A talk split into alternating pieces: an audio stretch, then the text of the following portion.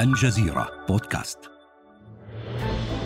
العمانيون يحاصرون مسقط. هنالك جملة أسباب ساهمت في انهيار البرتغاليين. القوات العمانية بعدما توحدت تحت راية ناصر بن مرشد مؤسس دولة اليعاربة تطارد الغزاة في أرجاء البلاد. ما قام به البرتغاليين هو نقض لاتفاقية أو صلح ريام حوصر الغزاة في آخر معاقلهم في مسقط ومطرح. وحصن وحيد في صحار.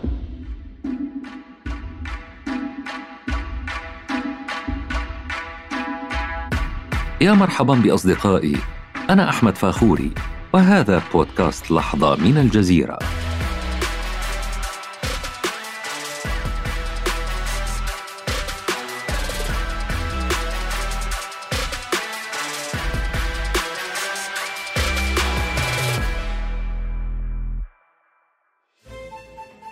في بدايات القرن السادس عشر بعد سنوات قليلة من سقوط الأندلس تصل الحملات الاستعمارية البرتغالية إلى سواحل شرق أفريقيا.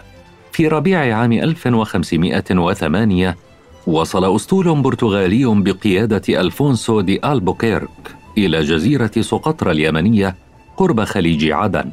حين وصلوا إلى مناطق الشرق الأفريقي بعد اكتشافهم لرأس الرجاء الصالح اكتشفوا أنه هناك مناطق أو مراكز تجارية مهمة جدا آه، يمكن أن توصلهم إلى الهند. هذا صوت الباحثة والمحاضرة المتخصصة في التاريخ بدرية النبهاني. وفي نفس الوقت يمكن أن تكون آه، محطات تجارية اقتصادية مهمة. تجارة التوابل كانت في ذلك الزمان تجارة مربحة ثرية تجارة مع المشرق.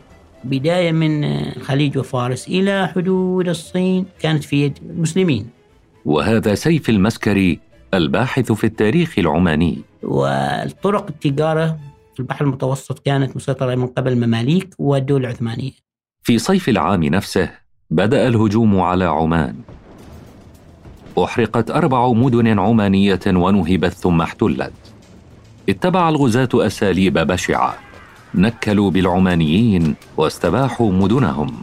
فرضوا عليهم غرامات مالية.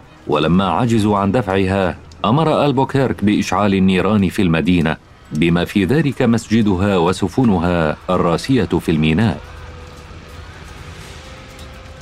كما أمر بجدع إنوف الأسرى من النساء والرجال وصلم آذانهم. لكن من كان يحكم عمان في ذلك الوقت؟ كمسمى تاريخي عمان بين توسع وبين انكماش في اللحظة التي وصلت فيها الأساطيل البرتغالية كانت عمان تعاني من انقسام وتشرذم على مستوى الساحل والداخل. في ذلك الوقت انتشرت العصبيات القبلية وانقسمت عمان إلى العديد من دويلات المدن التي بلغت أكثر من عشر مقاطعات شبه مستقلة. في الفترة التاريخية التي وصل فيها البرتغاليين إلى الساحل العماني اللي هي بدايات القرن السادس عشر الميلادي لم تكن هناك حدود واضحة لعمان آه، في هذه الفترة حيث أن الداخل كان أمراء القبائل مع سلاطين الدولة النبهانية في صراع على السلطة. في الساحل كان الهرامزة طبعا اللي هم يتبعون مملكة هرمز يسيطرون على أغلب الموانئ الرئيسية في الساحل. البرتغال كانت سفنهم كبيرة يستخدمون المدافع يستخدمون الأسلحة النارية في حين أن الطرف المقابل من الهرامزة أو من العمانيون أو من الفرس اللي اصطدموا بهم كانوا ما يزالون في ما يعرف بالعصور الوسطى السيف والرمح والسهام والمقالع والمنجنيق وهذه الأدوات البسيطة بمفهوم ذلك الزمان. وبينما كانت الدويلات تتنازع وتتقاسم فيما بينها خيرات التجارة المربحة كانت الأساطيل البرتغالية تكبر وتزداد قوة وتطور من أسلحتها. على طول الساحل الغربي لأفريقيا كانت المدن والموانئ تسقط واحدة تلو الأخرى. ولانشغالها بالتجارة والزراعة والصراعات السياسية أهملت هذه الدويلات تحصيناتها الدفاعية وصناعة الأسلحة وتطويرها. فكان المدفع بمواجهة الرمح والسهم والمنجنيق والمقلاع بمواجهة سفن كبيرة قادرة على المناورة. كانت مسقط كغيرها من المدن الساحلية في الجزيرة العربية تحتمي بالقلاع والحصون. في وقت مجيء البرتغاليين التحصينات الدفاعية هي ذاتها الموجودة في كل عمان. كانت القلاع والحصون موجودة بصورة واضحة وظاهرة. تمر السنوات والحال على ما هو عليه. حاصر البرتغاليون مملكة هرمز الواقعة على السواحل الشرقية للخليج. سيطروا عليها واستولوا على الموانئ. وفرضوا الضرائب على السفن التجارية لكنهم أبقوا على الأسرة التي تحكمها. في الحقيقة أما البرتغاليين طوال هذه الفترة اللي ظلوا فيها في المنطقة لم يفتحوا طرق تجارية جديدة ولا أدخلوا سلع جديدة. يعني في شبكة التداول التجارية طوال هذه الفترة اللي بقوها فيها في المنطقة سيطروا على السواحل البحرية مثلا التي كانت تسيطر عليها مملكة هرمز ومارسوا نفس الدور الذي كانت تمارسه مملكة هرمز. هم لم يأتوا إلا لأمر واحد فقط اللي هو السيطرة على طرق التجارة. والسيطرة على طرق التجارة مفهوم ذاك الزمان بإقامة محطة تجارية عسكرية على شكل قلاع. هذه القلاع هي مصدر السيطرة. هي تسيطر على حركة السفن بمعنى أن تجبر السفن على المرور بهذه الموانئ. وأيضا تسيطر برا على الواردات والصادرات. مثلا في عمان مينائين شهيرين هم ميناء مسقط ومطرح أيضا بالإضافة إلى ميناء صور كان منفذا بحريا كبيرا لسكان الداخل في توريد بضائعهم الزراعيه مثلا. في المقابل تصاعدت دعوات للجهاد ويمكن القول إنها بدأت بالأئمة قبل العامه وذلك من خلال الخطابات والمراسلات التي توجه إليهم. من قبل العلماء. لكن تلك الدعوات لم تكن لتنتظم تحت راية واحدة. حتى عام 1624 المفصلي. حينئذ ينتخب حكام الرستاق وكانت إحدى الدويلات في شمالي عمان ينتخبون شابا لا يتجاوز عمره العشرين عاما لتولي الحكم اسمه ناصر ابن مرشد اليعربي. أغلب قادة دولة ناصر بن مرشد سواء القادة العسكريين أو القادة الإداريين كانوا من العلماء وكانوا من الفقهاء. أيضا توفرت له ظروف خارجية وهي التي ساهمت في تعزيز قوة اليعاربة في عصره وفي ضعضعة الموقف البرتغالي أيضا في هذه الفترة التاريخية. أمام الحاكم الشاب تقف عقبات كبيرة في الطريق إلى التحرير. لذلك كان عليه الالتفات إلى الجبهة الداخلية اولا. مع تفتت القوى بين القبائل والدويلات اهتم ناصر بن مرشد بردم الخلافات وتوحيد الصفوف وكانت البداية بالرستاق ذاتها. هو في البداية رشح على أن يكون حاكما للرستاق لكن تطور الأمر إلى أن ينصب كامام وحصل على تأييد كبير سواء كان من طرف العلماء أو من طرف القوى الأخرى التي سئمت الانقسام الذي كانت ترزح فيه عمان. ناصر بن مرشد عندما نصب كان شابا صغيرا في العمر العشرين ولديه طموح ولديه أيضا رؤية. ظل تقريبا طوال عقد أو تسع سنين وهو يوحد في عمان. لم يسعى إلى الصدام مع البرتغاليين أو القوى الأخرى. حرص على تقوية الجبهة الداخلية لأنه يدرك بأن تقوية الجبهة الداخلية هي التي ستعينه على التخلص من نير الاحتلال البرتغالي. في قلعة الرستاق تحصن أبناء عمومته الذين عارضوا انتخابه.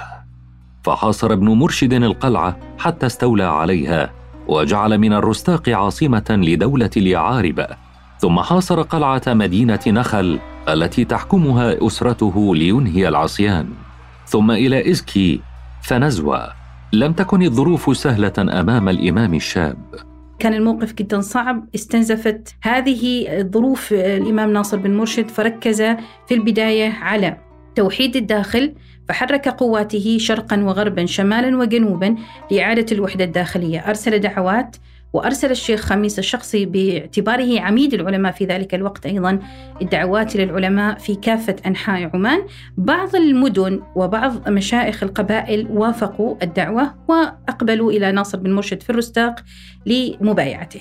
في حين بعض القبائل رفضوا مبايعة ناصر بن مرشد ومنهم أبناء عمه في منطقة قريبة من الرستاق وهي ولاية نخل. فبدأ بأبناء عمومته وأدخل النخل إلى سلطته ثم بدأ بالمناطق الداخلية حيث مراكز الدولة في نزوة في بهلة استولى على سمائل كذلك. سمائل تعتبر مركز استراتيجي مهم للدخول لشرقية عمان إلى أيضا تهديد للبرتغاليين في الساحل كونها قريبة من مسقط ومطرح. أرسل إلى دبا إلى خصب فبدأ بحملة توحيد الشطر الداخلي الجزء الداخلي في عمان. اتسع سلطان ناصر بن مرشد وتوافد أهل البلاد لمبايعته. فانتظمت له الديار العمانية وبدأ يعد العدة لمواجهة الغزاة البرتغاليين. فهدد مسقط حوالي خمس مرات.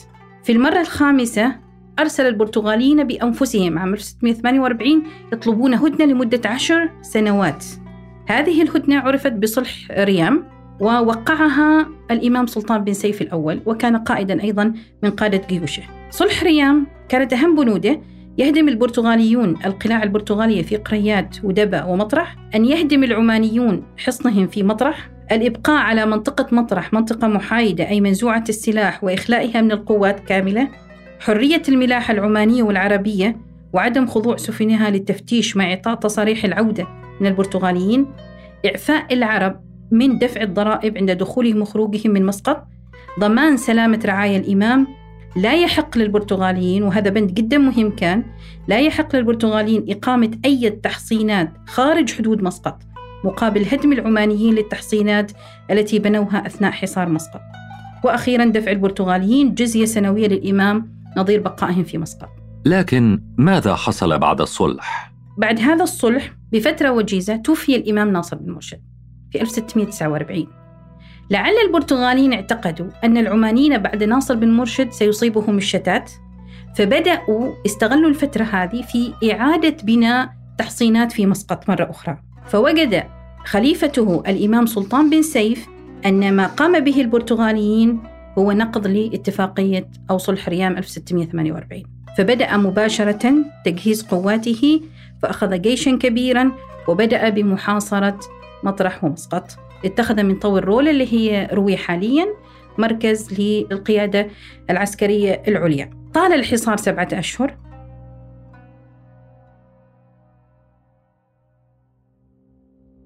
جاءت ساعة الصفر أعيروني انتباهكم ففيما يلي أحداث مفصلية. نحن الآن في أواخر العام 1649 تحكي إحدى الروايات العمانية عن خلاف حدث بين هندي كان يشغل منصب ضابط مستودعات في مسقط وبين قائده البرتغالي. يتواصل الأول مع الإمام سلطان بن سيف. فتواصلوا مع الإمام سلطان بن سيف وقالوا له نحن سنساعدك على أن تدخل مسقط مقابل أن تنهي هذا الوجود البرتغالي الذي طال أمده وكثرت الضرائب التي كان البرتغاليين يفرضونها. لكن ما تتفق عليه الروايات أن القوات العمانية باغتت الغزاة فجر يوم احتفل فيه البرتغاليون حتى الثمالة. فدخلت الجيوش العمانية فتفاجأ البرتغاليين وطبعا جرت مقتلة كبيرة هناك ودخل العمانيين إلى مسقط وطلب طبعا القائد البرتغالي بعدها الحماية واستولى الإمام سلطان بن سيف على مسقط في 23 يناير 1650 ميلادية. هذا كان التاريخ النهائي. اللي خرج فيه البرتغاليين بعد 140 عاما من وصولهم إلى عمان. أدت عدة عوامل مشتركة خلال القرن السابع عشر إلى إضعاف سيطرة البرتغاليين على الساحل العربي ثم انكماش سيادتهم في الخليج. هنالك جملة أسباب ساهمت في انهيار البرتغاليين في المنطقة. أسباب داخلية تعود إلى فساد الإدارة البرتغالية. كان هنالك نائب الملك في مدينة سماجوة تتبعه قلاع ومحطات تجارية عسكرية في كامل المنطقة شرق أفريقيا والجزيرة العربية والخليج العربي وأجزاء من الهند. الحصول على منصب قائد لهذه المحطات كان يمر بمراحل عديدة من ضمنها حتى وصل الأمر إلى أن الملك يعرض مزايدة على من يدفع أكثر لكي يكون قائدا لهذه المحطات. بمعنى أن هذا الشخص الذي سيصل ليس مؤهلا إنما هو يملك المال. استمرار مقاومة مدن الخليج الساحلية ضد الغزو البرتغالي وتشديد الخناق عليهم في المنطقة من أهم الأسباب التي أدت إلى سقوطهم. لاحقا شكل تحرير مسقط وعمان إعلانا لبداية العصر الذهبي لدولة اليعاربة. بعد طرد الغزاة من البلاد طاردهم ابن سيف وأرسل أساطيل هاجمت قواعدهم في سواحل الهند وأفريقيا. سلطان بن سيف كان يستقرئ المستقبل بدليل أن البرتغاليين أعادوا الكرة لاحتلال مسقط بالمناسبة بعد 1650 لكنه نجح في طردها لأنه حين عين ولده بالعرب بن سلطان واليا على مسقط بعد طرد البرتغاليين كان أول أمر أمره به هو تأسيس قوة بحرية للدفاع عن المدينة. الفترة الممتدة من إمامة ناصر بن مرشد 1624 إلى إمامة سلطان بن سيف الثاني 1718 ميلادية تقريبا. عرفت بالعصر الذهبي لأنها كانت فترة رخاء وفترة سلم وفترة رفاه داخلي بصورة جدا كبيرة وبصورة ملموسة. شملت جوانب عدة. ظهرت مؤسسات ثقافية كبيرة الجانب المعماري كان جدا واضح في عصر اليعاربة. أيضا ظهرت أولى المدارس النظامية في عمان في عصر اليعاربة في عهد الإمام بالعرب بن سلطان بن سيف. المؤلفات التاريخية بدأت بالظهور أيضا في عصر اليعاربة أبرز ما ميز هذا العصر وجعله يسمى بالعصر الذهبي هو القوة البحرية.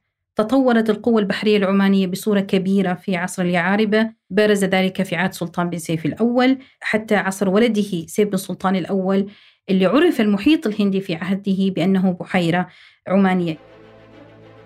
بجيشها وسلاحها البحري أصبحت عمان في زمن اليعاربة قوة لا يستهان بها.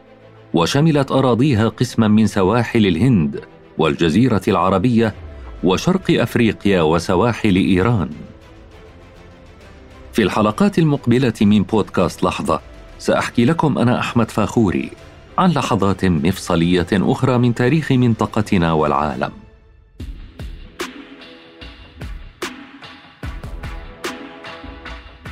انتظرونا ولا تنسوا زيارة موقعنا على الإنترنت podcast.aljazeera.net ومشاركة هذه الحلقة مع أصدقائكم. إلى اللقاء.